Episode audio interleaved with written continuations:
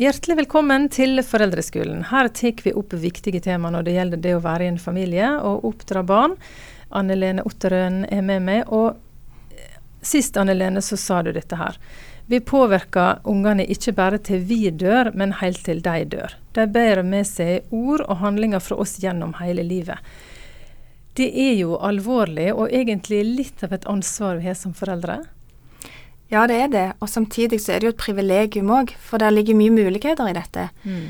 Eh, og så er det viktig at vi ser etter det, da. Ser etter det gode, og passer på at ikke vi trykker oss sjøl ned og sjølfordømmer på det vi ikke får til. For der er vi i samme båt. Eh, vi bommer. Men det som vi har snakket om tidligere da, eh, vær ekte. Våg mm. å be om tilgivelse.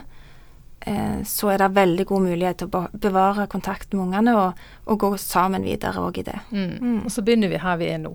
Helt sant. Ja. Herfra og framover. Herfra og framover. Og i dag så skal det handle om noe som er fascinerende, syns jeg, nemlig det med kjærlighetsspråk. Ja. Ta oss litt inn i det, Anne Lene. Mm.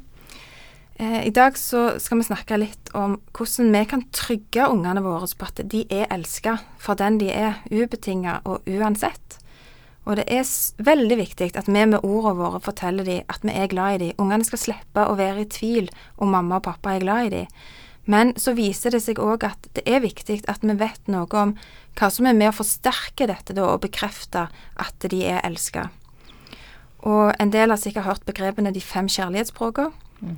Gary Chapman han har skrevet flere bøker om dette, og Sånn som jeg ser det, så er kjærlighetsspråket en fantastisk mulighet til å fylle opp kjærlighetstanken til ungene våre, og til andre vi har rundt oss. Hva er kjærlighetstanken egentlig? Ja, kjærlighetstanken kan enkelt oversettes med det behovet vi har for å kjenne oss elsket og verdsatt.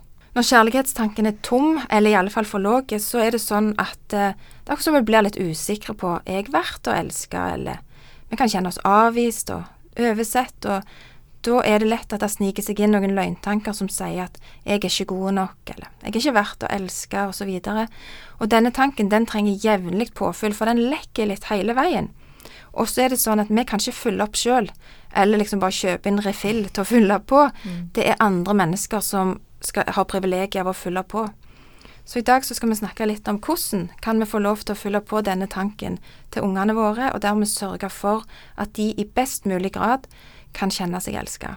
Så er det litt rart om dette, for veldig ofte så viser vi kjærlighet eller godhet til andre på den måten som vi sjøl best liker å ta imot det på. Så Derfor er det viktig at vi finner ut hva språk de forskjellige ungene våre har. Mm.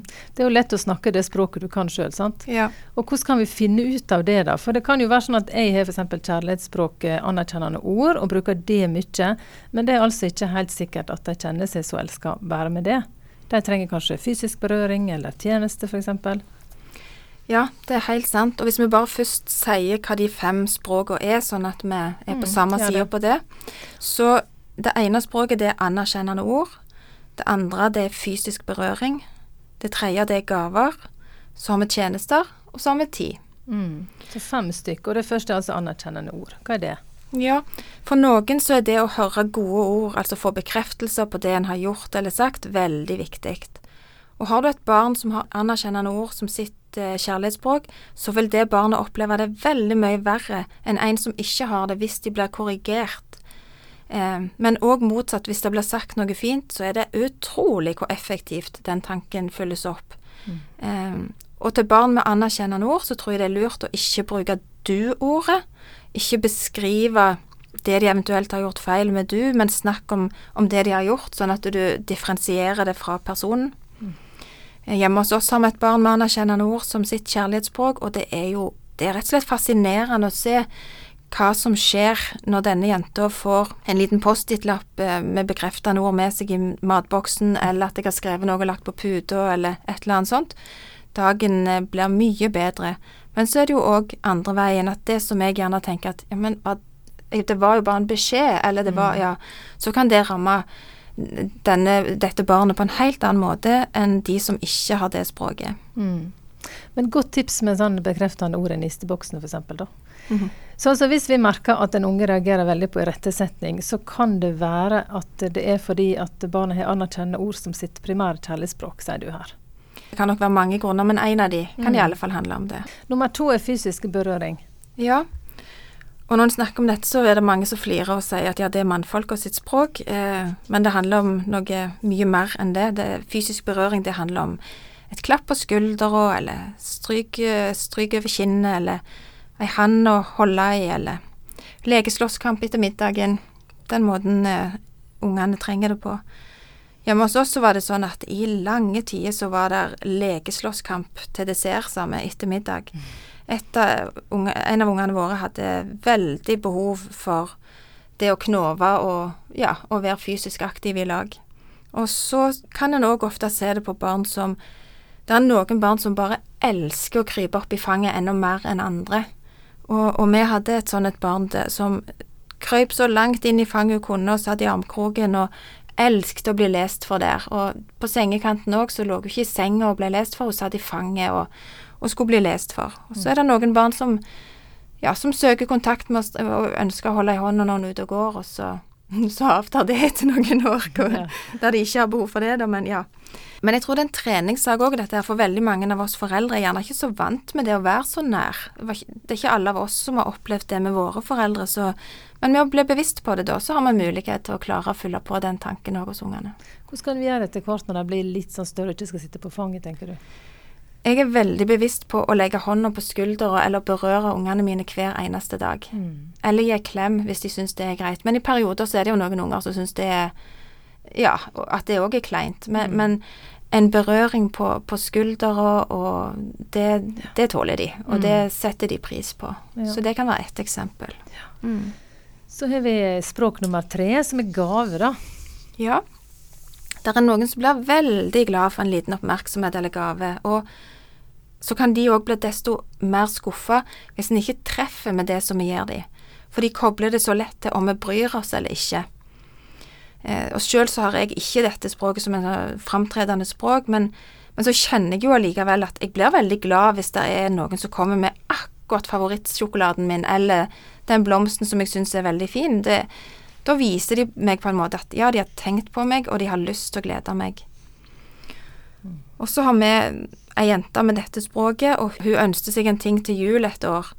Og hadde liksom skrevet merke på det, og akkurat hva hun hadde lyst på. Og så tenkte mannen min og meg at ja, men du, vi kjøper heller det, det er jo cirka det samme, og dette tror vi blir enda bedre for henne, og sånn. Og det handla ikke om at hun var kravstor, men hun ble rett og slett kjempelei seg når hun pakket opp. For hun opplevde at vi ikke var glad i henne når vi ikke på en måte var villige til å gi henne det som, som hun ønsket seg. Og det var ikke at det var en stor ting heller. Så ja, små gaver gitt med omtanke og kjærlighet, det er viktig for denne gruppa.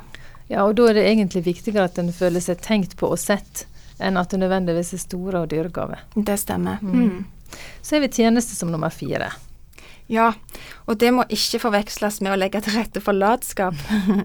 Men for en del unger så kan det være sånn at hvis vi bruker tid på å hjelpe dem eller gjøre noe for dem, så kan det være det som gjør at de kjenner seg elska. Mm. Jeg har et eksempel fra når ungene var mindre. Jeg innrømmer jeg smørte matpakker til de alle tre. eh, og da var det sånn at to av de, de tok matboksene med seg og sa 'tusen takk, mor', og føyk videre. Og den siste ungen stoppet opp og bare 'Tusen takk, mor, så grei du er', og ga klem, og det var ikke måte på. Så hun kjente seg elska når matboksen sto klar, og så òg at det som lå oppi, vitna om at jeg husket hva hun likte å ha på skiva, og hva frukt hun likte, så mm. ja. Så omtenksomhet òg er et stikkord her. Ja, det er det. Og så det siste kjærlighetsspråket, som er tid. Ja. Noen barn har et større behov for at vi bruker tid sammen med de enn andre, og da tenker jeg ikke primært på den type tid som går på at ja, vi er i samme hus, men i forskjellige etasjer. Eh, når vi snakker om tid her, så handler det om den konsentrerte oppmerksomheten. Det at vi gjør ting sammen og opplever at vi er sammen. Um, så det kan vi gjerne skille mellom kvalitets- og kvantitetstid. Så her er det nok mest kvaliteten som avgjør. Mm. Fem språk. Er det sånn at det bare er ett språk som gjelder for hver enkelt? Veldig mange av oss kan kjenne oss igjen gjerne spesielt godt i to av språkene. Men det betyr ikke at vi ikke kan sette pris på litt av alle språkene.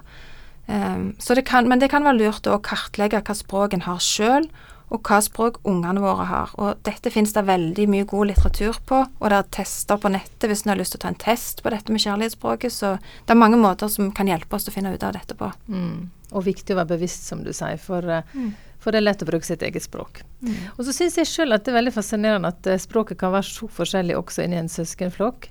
Eh, og det handler vel egentlig også om kommunikasjon, som vi snakka om sist. At vi kommuniserer på den måten ungen best klarer å ta imot at vi er glad i dem. sant? Ja, helt sant. Og jeg tenker at vi kan aldri skjemme vekk ungene våre med for mye tid og, og gode blikk.